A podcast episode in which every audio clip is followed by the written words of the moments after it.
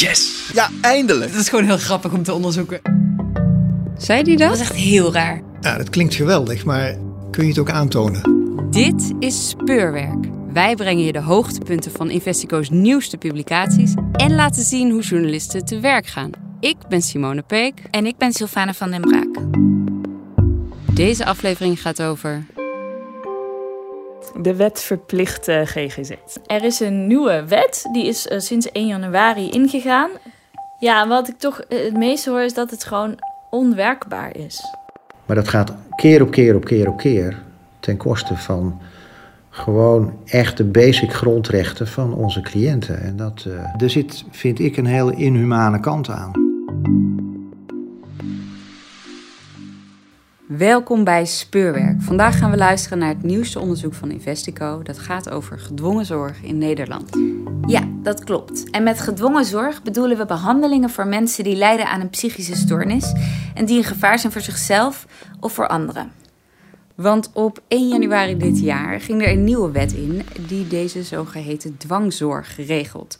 Het is de wet verplichte GGZ. Savannah, het heeft even geduurd voor die wet er was, toch? Dat klopt. Er is ruim tien jaar met allerlei verschillende betrokken partijen aan de wet gesleuteld, voordat die afgelopen januari eindelijk in kon gaan. Maar vlak daarvoor waarschuwden verschillende betrokken organisaties eigenlijk over mogelijke problemen die de wet met zich mee zou gaan brengen. Journalisten Amy Koopman en Katrien Spijkerman volgden het afgelopen half jaar de invoering van deze nieuwe wet. En ze brengen daar deze week verslag over uit in de Groene Amsterdammer en Dagblad Trouw. Laten we naar ze gaan luisteren. Ik uh, ben Katrien Spijkerman en ik werk nu samen met Amy aan een onderzoek naar de nieuwe wet verplichte GGZ. En die regelt eigenlijk de uh, dwangzorg voor patiënten. Uh, dus dat zijn mensen die vanwege hun psychische stoornis ja, zoals ze dat noemen, een ernstig nadeel kunnen zijn voor uh, zichzelf of voor anderen. En die zorg nodig hebben, maar dat niet willen, die krijgen dat dan opgelegd. De vorige wet was eigenlijk heel zwart-wit. Je neemt iemand op onder dwang of je neemt hem niet op. En er waren geen tussensmaken, zeg maar, mogelijk. In deze nieuwe wet waren er wel allemaal andere mogelijkheden van dwangbehandeling. Onder andere werd het uh, nu bij wet bijvoorbeeld mogelijk om iemand onder dwang te behandelen, maar dan niet op te nemen. Dus onder dwang bijvoorbeeld in zijn eigen thuissituatie te behandelen. Dat vond ik een heel interessant punt daaraan. Want aan de ene kant kun je inderdaad zeggen van een dwangopname is heel uh, ingrijpend en vaak ook traumatiserend. Dus dat moet je eigenlijk uh, altijd zien te voorkomen. En dan is het misschien wel veel fijner om inderdaad thuis behandeld te worden. Aan de andere kant is er natuurlijk nog steeds altijd wel sprake van dwang, want daar gaat deze wet over. Dus hoe is het dan om in je eigen huis te worden gedwongen om bijvoorbeeld medicatie te nemen die je absoluut niet wil nemen? Nou, dat leek ons heel. Wij waren heel benieuwd hoe dat uitpakte. En zo waren wij eh, aan dit onderzoek begonnen. Maar het begin van het onderzoek bleek al snel niet de kern van het probleem, vertelt Katrien haar collega Amy Koopman. Ik heb eerder een onderzoek gedaan naar de verwarde personendiscussie. Uh, is het idee dat er steeds meer mensen met ernstige psychische problemen voor overlast zouden zorgen. Toen kwam ik al tegen dat er een nieuwe wet in de maak was die de gedwongen behandeling voor mensen met ernstige psychische problemen zou gaan regelen. Ik dacht toen ik het ontwerp zeg maar zag, het concept van oh dat gaat voor problemen zorgen. En waarom dacht je dat? Omdat eigenlijk een van de fundamentele ideeën was dat er zorg op maat moest komen. Maar dat zou dan betekenen dat mensen ook thuis behandeld konden worden. En het was toen ook al, het was 2017, uh, toen ik met dat andere onderzoek naar verwarde personendiscussie uh, keek.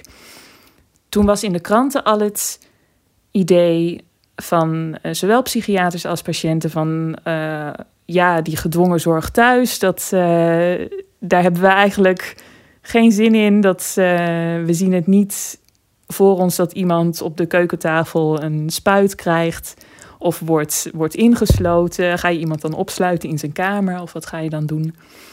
Dus dat was toen waarvan ik dacht: oh, dat moeten we in de gaten houden als dat ingaat. Ja, en toen ging het in. Wanneer was dat? 1 januari 2020, dit jaar. En toen was er al vrij snel de coronacrisis. Maar zelfs voor die crisis hoorden we al uh, van de psychiaters van ja, dat die gedwongen behandeling thuis, dat, dat willen we niet, dat gaan we niet doen. Dus toen zijn we eigenlijk vrij snel veranderd van idee. Van oké, daar gaan we ons dan niet op richten. We gaan gewoon open kijken naar wat er nou gebeurt met die wet in de praktijk. Waar we eerst naar zijn gaan kijken is welke groepen allemaal betrokken zijn bij die wet. En kijken, kunnen we daarvan een aantal mensen blijven volgen? En uh, het was het makkelijkst om de psychiaters te vinden. En om daar ook gehoor op te krijgen, want die hadden al heel snel heel veel last van de wet. En die klaagden daar ook al vrij snel over in de media. Je kan via twee verschillende procedures in de dwangzorg terechtkomen. Via de crisismaatregel in levensbedreigende situaties. Als er bijvoorbeeld iemand op een dak van een gebouw staat of met een mes in de supermarkt rondloopt. Maar ook als je anorexia hebt en zoveel ondergewicht dat je dreigt te sterven. Daarnaast kan er tijdens minder acute situaties ook dwangzorg worden opgelegd door de rechter via een zorgmachtiging die wordt aangeleverd door de psychiater voor langdurige zorg. Om de rechten van de patiënten te waarborgen, zijn er maatregelen opgenomen in de wet om de mening van de patiënt te horen. Belangrijk, omdat het in de dwangzorg om vrijheidsberoving gaat. Amy en Katrien nemen er tijdens hun onderzoek twee onder de loep. We hebben daar twee belangrijke dingen uitgelicht. En dat is de hoorplicht door de burgemeester en het plan van aanpak dat patiënten mogen schrijven voordat ze de hele rechtsgang ingaan. Om zelf een idee te formuleren eh, wat, wat zij nodig hebben in plaats van een gedwongen behandeling. Dus dan gaat het dus over maatregelen in, die staan in de wet vastgelegd, die je in de zorg moet uitvoeren om ervoor te zorgen dat mensen die geen gedwongen zorg nodig hebben, dat ook niet krijgen. Ja. En er zijn dus twee maatregelen. Want hoeveel maatregelen zijn er? Oeh, ja, dat, dat kun je niet zo makkelijk zeggen. Hoeveel maatregelen zijn er? Er zijn in de nieuwe, nieuwe wet gewoon heel veel plichten voor met name de GGZ om iedereen te informeren mhm. eh, over wat er, wat er allemaal qua zorg plaatsvindt. En jullie gingen kijken van oké, hoe is dat nu dit afgelopen half jaar geweest in de praktijk? En heeft dat ook daadwerkelijk geleid tot minder dwang? Ja. En wat kunnen jullie daarover zeggen? Daarover kunnen we toch wel zeggen dat dat in praktijk een enorme bureaucratische ellende is geworden. Die tot nu toe volgens de mensen die wij hebben gesproken niet leidt tot minder dwang. En waar leidt het wel toe? Uh, heel veel frustratie bij zowel zorgverleners als, uh, als patiënten. En bij patiënten is het dan dus lastiger voor mij om te zeggen: leidt dat echt algemeen bij hen tot frustratie? Want dat moeten we dan weer horen via patiëntenrechtenadvocaten, via de psychiaters, ook wel via de belangenverenigingen. Toch krijgen Amy en Katrien het voor elkaar om veel verschillende mensen te spreken over het effect op patiënten. Hoe goed ook bedoeld, het juridische systeem dat mensen de kans geeft om zichzelf te verdedigen, lijkt niet veel op te leveren. De patiënt die moet op de hoogte gebracht worden van eigenlijk ieder stapje in de procedure van een aanvraag, maar ook bijvoorbeeld een ontslag of anything dat te maken heeft met de uh, dwangzorg. En dat is nodig omdat hij dan uh, weet waar hij aan toe is en ook weet dat hij daar bijvoorbeeld een klacht over kan indienen. Om dus die rechten te verstevigen. Een uh, psychiater vertelde mij ook dat vaak zijn patiënten op zo'n moment dat ze heel ziek zijn ook al heel erg argwanend. En het helpt dan niet als je allemaal van die brieven krijgt vol juridisch jargon.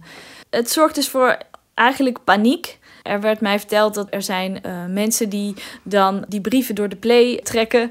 Of ze wild in het rond gooien op het moment dat ze hun uh, psychiater zien. Dus echt ze naar het hoofd uh, gooien. Oh en er is ook iemand die al bezig was de boel in de fik te steken. En kon nog net op tijd, konden de verpleegkundigen dat tegenhouden. Maar het laat een beetje zeg maar zien, het klinkt nou een beetje grappig of zo. Maar het laat een beetje de wanhoop eigenlijk zien. Precies, van wat, wat moet ik hiermee? Tijdens een crisismaatregel waarbij acuut dreigend gevaar bestaat, moet er bij de patiënt een hoorplicht worden uitgevoerd. Dit houdt in dat een onafhankelijke partij de persoon in crisis opbelt en naar zijn of haar visie luistert.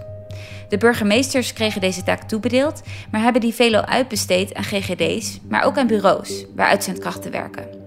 Katrien sprak een geneeskundestudent die voor een nationale hoorservice werkt en patiënten in crisissituaties opbelt. Op het moment dat er een crisis um, binnenkomt, dan gaat zij die proberen te pakken te krijgen. om met de patiënt te spreken, om zijn of haar visie te horen. En ook om te, wijzen op de rechten. Uh, dat gaat dan via een script. Maar je kan je voorstellen, dat is voor die patiënt is het een heel ingrijpende situatie. Die, is, die uh, patiënt is heel erg in de war, misschien wel heel erg angstig. Of heeft net een zelfmoordpoging gedaan, bijvoorbeeld. En dan komt daar natuurlijk lang niet altijd een samenhangend verhaal uit. Dus het is voor die student heel lastig om zo'n script af te gaan zitten werken de gesprekken eh, die zij heeft, die zijn, ze zegt, ik kan er eigenlijk niet aan wennen. Nou, met veel mensen valt geen gesprek te hebben. Die, ehm, die zeggen bijvoorbeeld gewoon helemaal niks. Anderen die praten wel, maar die, die steken een heel verhaal op over het complot van de Chinezen.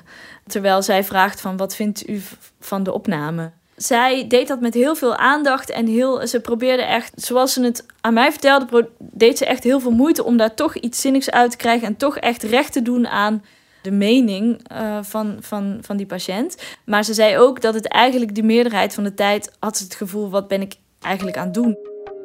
Dit is uh, ook weer een uh, voorbeeld van dat het natuurlijk heel goed is dat er, dat er aandacht is voor het perspectief van de patiënt. Maar de vraag is of die patiënt er op dat moment echt iets aan heeft. Ook bij een minder acute situatie krijgt de patiënt de mogelijkheid om zichzelf te verdedigen tegen de verplichte zorg. Dit kan via het schrijven van een plan van aanpak, waarin hij of zij een alternatief plan presenteert aan de rechter. Maar ook dat lijkt niet tot zijn recht te komen in de praktijk. Ja, als het gaat om het plan dat patiënten kunnen schrijven om, om gedwongen behandeling af te wenden, dan zeggen psychiaters, ja, ik krijg daar plannen binnen waarop alleen staat van ik rot op. Of helemaal niks. Uh, dus zelfs als mensen, vaak maken mensen überhaupt geen gebruik van dat recht. De meeste mensen maken geen gebruik van dat recht. Oké. Hoewel de advocaten allemaal zitten te mailen van mijn patiënt wil een, uh, mijn cliënt wil een plan van aanpak schrijven. Dan alsnog gebeurt dat meestal niet, omdat mensen niet in een staat zijn waarin ze daar iets mee kunnen. En als ze dan dus wel iets binnenkrijgen, dan, dan zijn dat vaak ja, verhalen waar, waar ze als psychiaters niks mee kunnen. En er is ook een onderzoek gedaan door een, iemand die zelf zorgverlener is. En die zei: Ja, het is echt zo'n miniem percentage mensen dat iets inlevert waar we ook iets mee kunnen. Je, je bent een enorm systeem aan het optuigen voor die enkeling die je eigenlijk ja, daar had je op een andere manier ook mee kunnen spreken. Daar was het voor bedoeld. Maar je stuurt het af op iedereen. Ja. En wat je afstuurt op die mensen zijn hele ingewikkelde brieven. Want alles moet schriftelijk volgens de wet. Um, dus jij moet als psychiater een brief schrijven aan die patiënt dat hij een plan van aanpak kan maken. Die moet dat ook weer schriftelijk laten weten dat hij dat inderdaad wil. Uh, en dan moet de psychiater daar weer met een brief op reageren. Dus zo gaat dat dan heen en weer. Nou, wat in elk geval de psychiaters dus zeggen, is die kwaliteit van de zorg wordt er minder van. Ja, patiëntenrechtadvocaten die bevestigen wel van ja, voor mijn cliënten uh, heeft dit absoluut geen zin. Iedereen is tijd en energie aan het verspillen. Patiëntenrechtenadvocaten staan patiënten bij tijdens het traject. Amy sprak met een aantal van hen, maar met één had ze langer contact tijdens het onderzoek. Dick Poot. We spreken hem ook voor speurwerk op zijn advocatenkantoor in Leiden. Ik ben uh, Dick Poot, ik ben advocaat in Leiden. Mijn taak is in ieder geval proberen om een goed contact met de cliënt tot stand te brengen en in feite de cliënt ook te begeleiden in het hele proces. De tijd nemen om uitleg, uitleg te geven, voorbereiden op misschien wel slecht nieuws omdat het misschien wel niet tegen te houden is dat, dat iemand enige tijd opgenomen moet blijven. Want in heel veel gevallen is het niet tegen te houden. Met die cliënten bouw je een persoonlijke band op. Psychiaters moeten van tevoren alle opties aangeven van gedwongen behandeling die zij denken te gaan toepassen in de zorgmachtiging. De rechter beslist daar dan over. Maar omdat het voor psychiaters moeilijk te voorspellen is, worden vaak alle soorten gedwongen behandelingen al aangevinkt. Op tafel liggen een aantal dikke dossiers die dat illustreren. Ik vind dat het uh, eigenlijk dat die hele wet behoorlijk is doorgeschoten. En dat eerlijk gezegd de, de cliënten waar het om gaat. En dat zijn eh, eh, bijna altijd mensen waarbij de stoornis aan het roer staat. En dat zijn ook mensen die met soms ernstige aandoeningen, die heel verschrikkelijke dingen doen. Maar het zijn ook mensen die, uh, aan wie het gedrag niet kan worden toegerekend. Die recht hebben, in mijn visie, op uh, humane en liefdevolle zorg. De bedoeling van de wetgever is geweest om. Uh, het idee is niet meer opnemen in een zorgmachtiging dan strikt nodig is.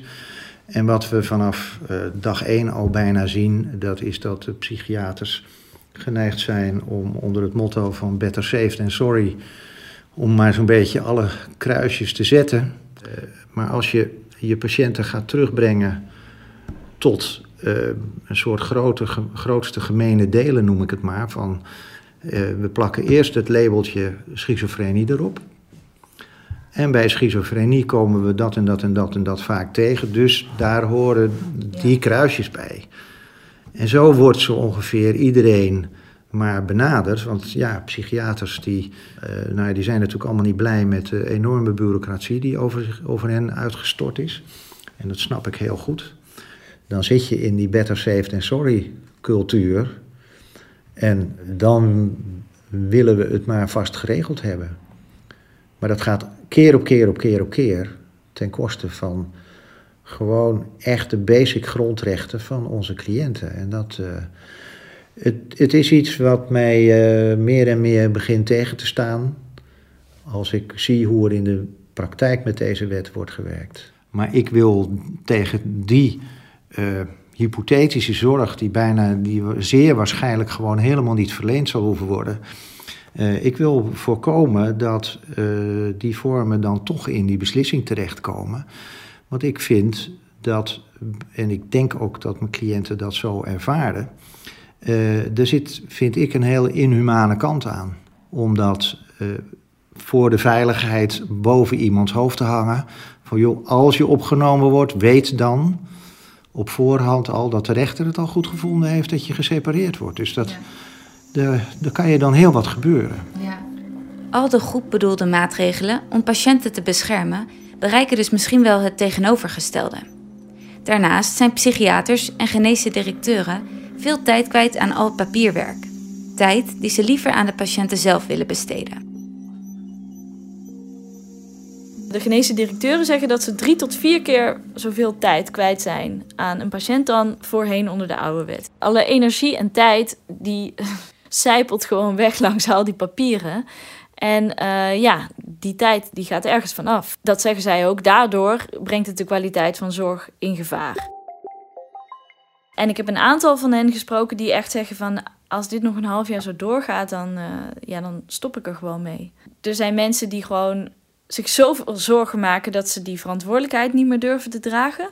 En ook uh, zeggen, ja, ik, ik loop zo vast op al die administratie, op al die regels...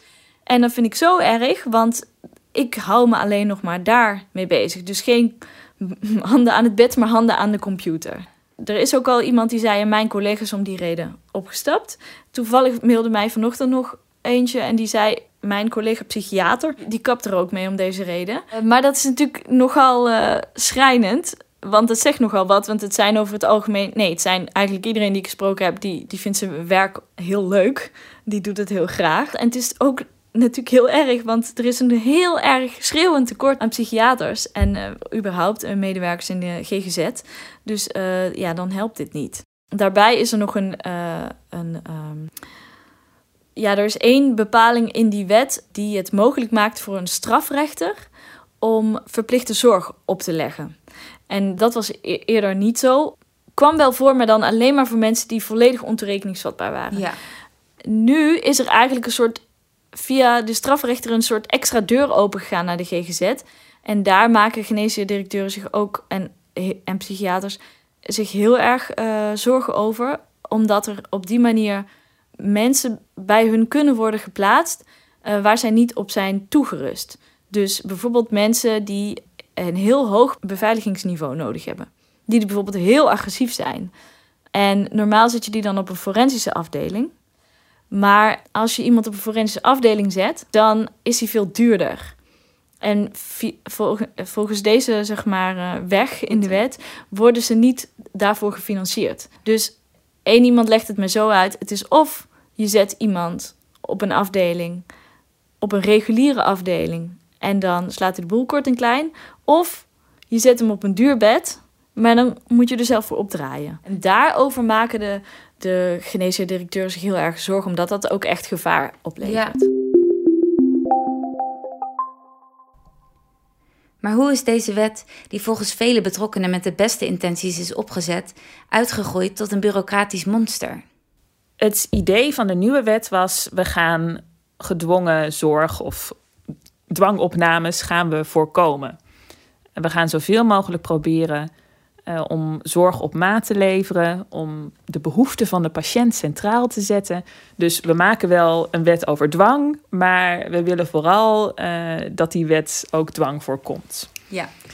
Dus dat was het idee. En ook als er dan dwang moet komen, dan dus zoveel mogelijk in de thuissituatie, dat mensen niet opgenomen hoeven te worden. Maar ik heb ook wel iemand gesproken die zei: ja, in die vorige wet zaten ook al allemaal waarborgen dat je die gedwongen zorg moet voorkomen. Mhm. En dat is eigenlijk nooit goed uit de verf gekomen in de GGZ. Het hele systeem is erop gericht dat mensen pas behandeling krijgen als ze al ziek zijn. En deze wet is er natuurlijk op gericht dat het pas gebeurt als mensen echt al een acuut gevaar vormen. Ja. Terwijl voor preventie krijg je veel moeilijker geld los en, en tuig je veel moeilijker een systeem op. Dus regel dat eerst en dan pas kun je naar dwang kijken. Ja. Ehm, en dat is een heel mooi idee. Uh, en ook was het een, een, op zich een mooi idee om met een wet uh, dwang te voorkomen. En als er dan dwang is, dat zoveel mogelijk te regelen dat, dat mensen nog inspraak hebben. Um, maar die wet is op een gegeven moment terechtgekomen in een discussie uh, over verwarde personen. Terwijl die wet dus werd opgebouwd, bij wijze van spreken de Terwijl die werd opgebouwd, ja. Dus het, het begon met, nou, we moeten vooral die patiënten goed horen. Maar toen sloeg de maatschappelijke discussie om. Politica Els Borst werd vermoord. Het feit dat... Uh, dat Els Borst is vermoord door iemand met uh, ernstige waandenkbeelden, heeft er wel voor gezorgd dat, die, ja, dat het maatschappelijk klimaat veranderde. En er waren natuurlijk ook andere incidenten met, met mensen, meestal met psychotische problemen. Uh, waardoor de politiek ook zei en de maatschappij zei van ja, wat, hoe ga je ons hier tegen beschermen? Um, en dat ligt dan vooral bij burgemeesters en politie, die dan vragen: wij willen meer middelen hebben hiervoor. Ja. En tegelijkertijd, wij willen niet uh, iets oplossen wat in de GGZ moet worden opgelost. En toen deze discussie gaande was, ging natuurlijk de tegenpartij ja. praten over anderen. Ja, die werd er natuurlijk enorm onrustig van. Want het, het is al zo dat ze tegen gedwongen zorg zijn als uh, patiëntenvertegenwoordigers. En dan werd dat ook nog, uh, werden die mensen die die gedwongen zorg nodig hadden, ook steeds meer gezien als gevaarlijke mensen. Uh, en kwamen er meer maatregelen bij en ook de toon van de wet veranderde. En zij hebben toen ook uh, harder gevochten voor, voor nog meer waarborgen in die wet. Ja. ja, en dan krijg je, als je dat allemaal gaat opschrijven in een wet, dan krijg je een enorm bureaucratisch geval. Dat iedereen dan uit moet voeren, maar alleen maar aan het afvinken is.